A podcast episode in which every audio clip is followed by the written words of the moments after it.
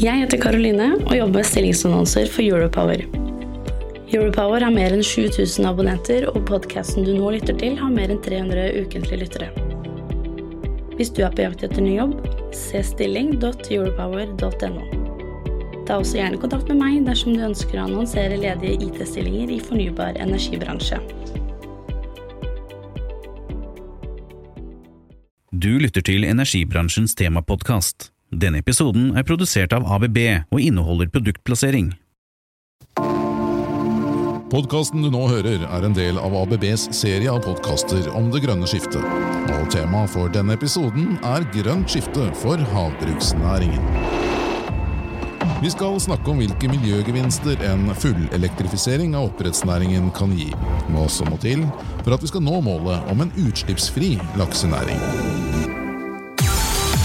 Jeg heter Espen Irving Svang og jobber i ABBs informasjonsavdeling. Eksperter i studio denne gang er Bellonas seniorrådgiver for havbruk, Anders Karlsson Drangsholt, og vår ekspert på bærekraftig utvikling og innovasjon i havbrukssektoren, Lars Andersen. Ifølge tall fra Statistisk sentralbyrå har norsk laksenæring i perioden fra 1980 til 2017 økt årsproduksjonen av laks fra 4000 tonn til over 1,2 millioner tonn. Det vil si at næringen i dag produserer omtrent 14 millioner måltider laks hver eneste dag. Mye er gjort for å gjøre lakseproduksjonen mer miljøvennlig. Likevel viser en studie ABB og Bellona har gjennomført at det er store rom for forbedringer. Ved å kutte bruken av fossilt brensel og heller satse på strøm fra land, skal det være mulig å redusere CO2-utslippene fra lakseoppdrett med 300 000 tonn, som tilsvarer ca. 150 000 biler. Og først til deg, Anders Karlsson Drangsholt fra Bellona. Hvorfor er det så viktig å kutte disse utslippene? For det første så må jo alle CO2-utslippene våre ned til null i løpet av de neste 30 årene. Og for næringer som da er tenkt å, å fortsette og kanskje også vokse framover, så er det jo enda viktigere å kutte så mye man kan for å sikre egen, egen um, en bærekraftighet og, og, på en måte license to operate, da, som disse næringene har. Nå har jo havbruksnæringa mange utfordringer. Klimautslipp er en av de. Um, og selv om denne delen som vi prater om her er en relativt liten andel av både norske utslipp og også uh, de utslippene som kommer fra oppdrettsnæringen i form av CO2, så er det en, en, del som er enkel å gjøre noe med. Og det er også en, en del som får, uh, som får innvirkning på det norske klimaregnskapet. Mye av de andre utslippene av klimagasser skjer utenfor Norge fra oppdrettsnæringen. Men selv om vi snakker om at det er relativt beskjedent i den store sammenheng, så tilsvarer altså rundt 150 000 biler, så helt ubetydelig er det jo ikke. Eh, til deg, eh, Lars. Eh, hva vil det si at et oppdrettsanlegg er fullelektrifisert? Ja, sånn som vi har definert det, så er det at man elektrifiserer med fornybar kraft, da helst. Selve oppdrettsanlegg eller fòrflåta, men også de tilhørende servicetjenestene som, eh, som, er rundt der. Eh, du har fòrblåsere som eh, krever ganske mye energi, du har serviceutstyr som krever mye energi, og så har du jo disse servicebåtene som bruker kraner og en del annet utstyr, da, som tusler og går hele dagen. Og da er det jo dieselaggregat til alle disse delene, da. Det ønsker vi da å gjøre ved at vi gjør sånn som næringa har gjort allerede eh, ganske mye av. Det legger ut strøm til fòrflåta. Eh, da får de selve fòringa over på kraft fra land. Men det de ikke har gjort ennå, det er å få kraft uh, ut på merdkanten, sånn at de kan drive serviceutstyr, og gjerne da også lade servicebåter. Som det kommer mer og mer av nå. Hvis vi ser på den totale mengden av oppdrettsanlegg, så er det altså slik at 50% har allerede fått landstrøm ut til fòrflåten. Eh, mens ytterligere 40% kan få det uten at det nødvendigvis eh, koster dem all verden. Hvis dette er så lavthengende frukt, hvorfor er vi ikke i gang for lenge siden, eh, Anders? Ja, altså, vi er jo ikke, kommer på hvordan man ser det. da, den Landstrømsutrullinga den, den, går jo sin gang. og der er det jo Mange av de aller enkleste prosjektene er jo tatt allerede. Ca. halvparten av produksjonen er elektrifisert, som du nevnte. Um, og, men, men, mye av grunnen til at um, det er ingen som har gjort dette med tanke på fullelektrifisering ennå, er vel at det kanskje ikke har tenkt på det. De har vært fornøyd med å legge landstrøm, og så har man sett at man kan bruke andre løsninger på andre ting. Men vi, når vi lagde våre studier, så jo her at det var mye utslippskutt å hente, og det er også potensialet for å, for å få god økonomi i det. Det viste jo de som hadde sett på, sett på vår studie og regna på det etterpå. De viste, der viste seg jo at eh, spesielt den løsningen med å fullelektrifisere, altså å trekke kraftig strøm ut til merdene for å drive arbeidsoperasjoner og lading av båter osv., den blir sannsynligvis ganske økonomisk lønnsom, fordi den er en liten investering, men som kan kutte store drivstoffutgifter. Hvilke hindringer er det som ligger i veien for å fullelektrifisere, Lars? Du må jo få Du må ha nok kraft på land. Det er det stort sett overalt. Uh, så må du ha kraft nærme sjøkantene, sånn at du kan gå ut med en sjøkabel. Eh, det er eh, i de aller fleste tilfellene også i orden. Og så må du ha på plass Én eh, ting er å få det ut i fòrflåta, men hvis du skal ha det ute på merkanten, så må du også ha noe utstyr som kan ta det imot. Så da må du ha på plass flere hybrid- eller fullelektriske båter. Både sånn persontransportbåter, men også de som gjør vedlikehold og service. da. Så, og det, det kommer jo det nå. Får bare håpe de bestiller flest mulig hybridbåter eller fullelektriske. For de som da ikke har uh, kanskje nok uh, kapasitet på landstrømstilkoblingen, uh, finnes det noen andre alternativer? Ja, det finnes jo alternativer som gjør at du kan, kan få landstrøm og utnytte landstrøm, selv om du ikke kanskje har nok kraft til å ta de aller eh, største krafttoppene. F.eks. hvis du installerer et batteri på fòrflåta i tillegg til landstrømmen, så kan, du, kan, det lades på natta og når du har lite forbruk, og så hjelpe til når du har stort forbruk, sånn at du, du klarer å få den strømmen du trenger. da. Ved å fullelektrifisere så fjerner vi jo utslipp av CO2, men det er vel også andre miljøgevinster? Ja, det er jo absolutt det. Når du, når du fjerner, fjerner, dieselaggregater eller dieselmotorer, så fjerner du jo både støy og du fjerner utslipp av lokale miljøforurensninger, som f.eks. NOx og SOx-gasser. Eksos, for å si det på Eksos, norsk. rett og slett, ja. Og, og, i tillegg så Det vil jo gi bedre arbeidsmiljø for de som jobber på båtene. Og det vil også gi redusert støy eh, fra fòrflåtene, sånn at det blir mindre konflikter med, med nærområdene. F.eks. det er hytteområder eller, eller andre som bruker sjøområdene i nærheten av anleggene. da. Og som et siste punkt, som oppdretterne også er ganske opptatt av, det er jo at du fjerner, eh, du fjerner fylling av diesel som en vanlig aktivitet. og Det i seg selv kan være en risiko, fordi du kan søle diesel i vannet, og som igjen kan påvirke fisken. Og som, eh, Det er jo tross alt mat man produserer her, så det er viktig å passe på at den er trygg og så, så god som mulig. Og Da er oppdretterne også veldig opptatt av å slippe den dieselpotensialet for søl. da. Og Så kommer vi altså over på strøm, og, og, da bruker vi den norske energimiksen. som det heter på fint. Og Hvor ren er egentlig den norske strømmen? I Norge så er vi en spesielt heldig situasjon eh, i europeisk og også i verdenssammenheng at vi har en nesten 100% fornybar strømproduksjon. Vi har for, all, for det aller meste vannkraft som lager strømmen vår. I tillegg så er det litt vind, og så har vi noe, noe import, men vi er jo en nettoeksportør av eh, fornybar energi. Så det gjør at det å bytte ut drivstofforbruk på, på oppdrettsanlegg og i båter med, med strøm fra land er en, et godt klimatiltak. Men allikevel er det altså bare ett av to oppdrettsanlegg i sjøen som i dag er tilknyttet eh, landstrøm. Hva skal til for at vi skal få en eh, utslippsfri laksenæring?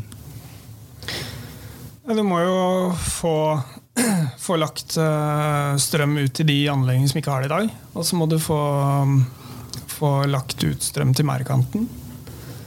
Sånn at du har et sted å koble deg til med da den hybridbåten eller batteribåten så må det utstyret på plass uh, som trengs. Det er noe som uh, kanskje pumper og sånn uh, til det utstyret de bruker i dag, som driftes av en dieselmotor eller bensinmotor. Det må da byttes ut med en elektrisk motor. En ting som jeg ønsker også å få frem her, det er jo driftskostnader. Eh, dieselaggregater, altså flere aggregater på ett anlegg, eh, kontra det å ha én landstrømkabel ut, som da Eh, distribuere energi ut til merkanten. Eh, du har selvfølgelig servicekostnaden som går drastisk ned. Eh, men du har jo dieselkostnaden kontra den elektriske strømmen. Der er det også ganske stor forskjell. Så de aller fleste prosjektene som vi har sett på, er jo lønnsomme for, for oppdretterne å gjennomføre. Sammen med disse strømkablene så legges det også kommunikasjonskabler som vil gjøre det mulig å overvåke fisken på en mer effektiv måte og styre de forskjellige elektriske enhetene du har der ute på anlegget. Det er jo mye snakk om digitalisering i, i oppdrettsnæringa. Eh, og for å få til det, så må du ha en, eh, en god kommunikasjon mot, eh, mot, land. Og da er det helt ypperlig å legge fiber i, i landstrømkabelen samtidig. Så får du stabil linje inn til land. og og viderefører den da med radiolink eller andre ting for å få det inn til eh, et sentralt driftssenter, da, hvor de kan gjøre noe med dataene. Bellona har jo som en av sine oppgaver å forsøke å påvirke myndighetene. Hva kan myndighetene gjøre for å få fart på elektrifiseringen av laksenæringen? Ja, Det er absolutt noe myndighetene kan gjøre. De har jo bidratt uh, en stund gjennom Enova-programmet for, for landstrømstilkobling. Nå er jo det akkurat blitt avslutta for landstrøm alene, men det er fortsatt mulig å søke Enova om, om tiltak som vil kutte CO2, f.eks. Uh, fullelektrifisering, altså at du tar kraftig strøm ut på merdene, hybridbåter osv. Så, det er jo en, en, god mulighet.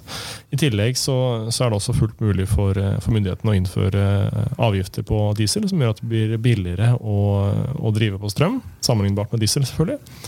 Eh, og til slutt så er det også fullt mulig å innføre krav på, på oppdrettskonsesjonene, sånn at du rett og slett blir nødt til å bruke, bruke mm, hybridbåter, eller at du må ha landstrøm osv. for å få lov til å drive lakseproduksjonen din. Selv om vi da har sagt her at det kan være lønnsomt for 90% av oppdrettsnæringen å være helelektrifisert, så gjenstår det 10% Hva med ny type teknologi? Solceller, vindkraft? Er det noe som kan hjelpe de som er litt for langt unna landstrømstilkoblingen? Det fins jo, jo, vindmøller og, og solceller og brenselceller og andre muligheter som kan benyttes. Um, vi har vel uh, sammen med Bellona sett på en del uh, det rundt vindmøller og solceller. Det, det, du greier ikke å produsere nok energi, rett og slett. Det, er, uh, det, det monner ikke. Så det kan jo være eventuelt for å toppe opp, eller Ja, hvis det ja, hvis, hvis, du, hvis, du, begrenser deg til eh, solceller for på taket på fòrflåten, også en, en, vindmølle på fòrflåta, så, så, kan nok det bidra med en relativt liten andel av det strømbehovet som, eh, som fòrflåta har. Da vil det kanskje være bedre å satse på å installere et batteri hvis du har litt lite strømtilførsel mm. eh, fra landstrømstillkoblinga. Eh, men, men, på sikt så vil jo det antageligvis være en av de eh, tingene som, som er best for de mest lang, avsidesliggende lokalitetene. Da, at du har en lokal strømproduksjon som gjør at du kan få det fornybart der også. Men det har jo en viss tidshorisont eh, å få dette til i stor skala. Eventuelt så kan du jo sette opp en medium vindmølle for eksempel, på en, på en nærliggende øy, hvis du har det, men det, det varierer jo veldig hvordan, hvordan lokalitetene er. da. Dette er jo bare de resterende jeg vet ikke, maks 10 eh, som kanskje ses på som ulønnsomme eh, å investere i nå, eh, med den teknologien som er til stede. Men det, det fins jo muligheter for å elektrifisere alt. Det gjør det jo. Myndighetene har ambisjoner om å gjøre denne næringen eh, tre til fem ganger større enn den er i dag. Det betyr at kraftbehovet også vil øke. Vil det gjøre det rimeligere å bygge ut f.eks. havvind og få en kystlinje som kan forsyne næringen langs kysten med strøm? Det hadde vært et uh, veldig bra tiltak å, å, få stor produksjon av, av havvind. Også et nettverk som kan lede den strømmen tilbake til land og til kysten. For det er jo et problem at kysten generelt har en dårlig strømtilførsel mange steder. Som hindrer mange typer eh, næringsdrift. Ikke bare havbruk, men også med tanke på landstrøm til båter, til annen industri osv. Så det er jo et generelt problem som det vil, vil kunne løse. Da. I tillegg til at det vil være en fordel med, med litt nye rammebetingelser på hvordan eh, anleggsbidrag osv. betales, sånn at det blir lønnsomt å, å investere i, i strømtilkoblinger. Eh, det er jo en del uh, myter ute i, i oppdrettsnæringa. Så hvis vi har noen oppdrettere som hører på nå um, Tidligere så Det er jo som nevnt at vi har uh, lagt strøm ut til ca. halvparten av oppdrettsanleggene i dag. Uh, alle de ligger relativt nærme land. Det er ikke noe i veien for å legge ut strøm til anlegg som ligger to, tre, fire, fem, seks kilometer fra land også. Det går helt fint. Der er det jo veldig stor forskjell blant de forskjellige oppdrettsselskapene hva, de, hva de har sett på som mulig, og hva de har turt å satse på. Mm. Og Det er jo noen som virkelig er framoverlent, og som sier at de skal elektrifisere alle anleggene sine med landstrøm. Og Det er jo absolutt sånn resten av oppdrettsnæringa burde tenke også. Og Da prater vi også om prosjekter som ligger veldig langt fra land, og som er krevende å gjøre rent teknisk, men som allikevel er fullt mulig. Noe av det du må gjøre for å gå litt lenger ut enn 1 km, er jo også å gå opp i spenningsnivå. Um, Da går jo størrelsen på kabelen ned. eh, Da kan du gå ned på kvadraten. Da. Så kabelen kan jo fort bli rimeligere. Eh, I hvert fall hvis du skal få ut litt energi til noen av disse anleggene. Så da bruker man bare vanlig spenning som vi har på distribusjonsnettet i dag. Det er ikke noe, det er ikke noe ny teknologi i det hele tatt. Det er hyllevare. Bruker, eh, bruker en skilletrafo og kjører ut det som ligger på land, om det er 11 eller 22 kV. Det er ikke noe problem. Og det er gjort før av andre enn ABB også, så det er eh, Det er ikke noe veien for at dette skal rulle fort nå. Enn så lenge så snakker vi om landstrøm, og vi snakker om de 40% som ennå ikke er bygget ut, men som kan gjøre det på en lønnsom måte. Hvor raskt er det mulig å få gjennomført elektrifisering av et uh, oppdrettsanlegg, eh, Lars? Det er litt sammensatt spørsmål eh, å svare på, men eh, du har en del eh, aktører du må ta kontakt med, som netteier og grunneier og sånn. Eh, og så må du levere prosjektet etterpå når eh, alt er godkjent. Men eh, fra tre til seks måneder, kanskje, så har du det på plass. Så hvis alle legger seg i sela, så får vi altså en renere og penere kystlinje allerede innen utgangen av året. Det hørtes hyggelig ut. Tusen takk for at dere kunne komme og bidra med den kunnskap om laks på landstrøm. Takk for at jeg fikk komme. Takk. Du har hørt en podkast fra informasjonsavdelingen i ABB. Ansvarlig redaktør Helene Günzerberg, regi og research Even Fladberg, og i studio Espen Irving Svang. ABB er en global teknologileder innen elektrifisering, automatisering, robotisering og drivsystemer med over 2000 medarbeidere som arbeider for å øke bærekraften i samfunnet. Du lytter til energibransjens temapodkast. Denne episoden er produsert av ABB og inneholder produktplassering. Jeg heter Karoline og jobber med stillingsannonser for Europower. Europower har mer enn 7000 abonnenter, og podkasten du nå lytter til, har mer enn 300 ukentlige lyttere. Hvis du er på jakt etter ny jobb, se stilling.europower.no. Ta også gjerne kontakt med meg dersom du ønsker å annonsere ledige IT-stillinger i fornybar energibransje.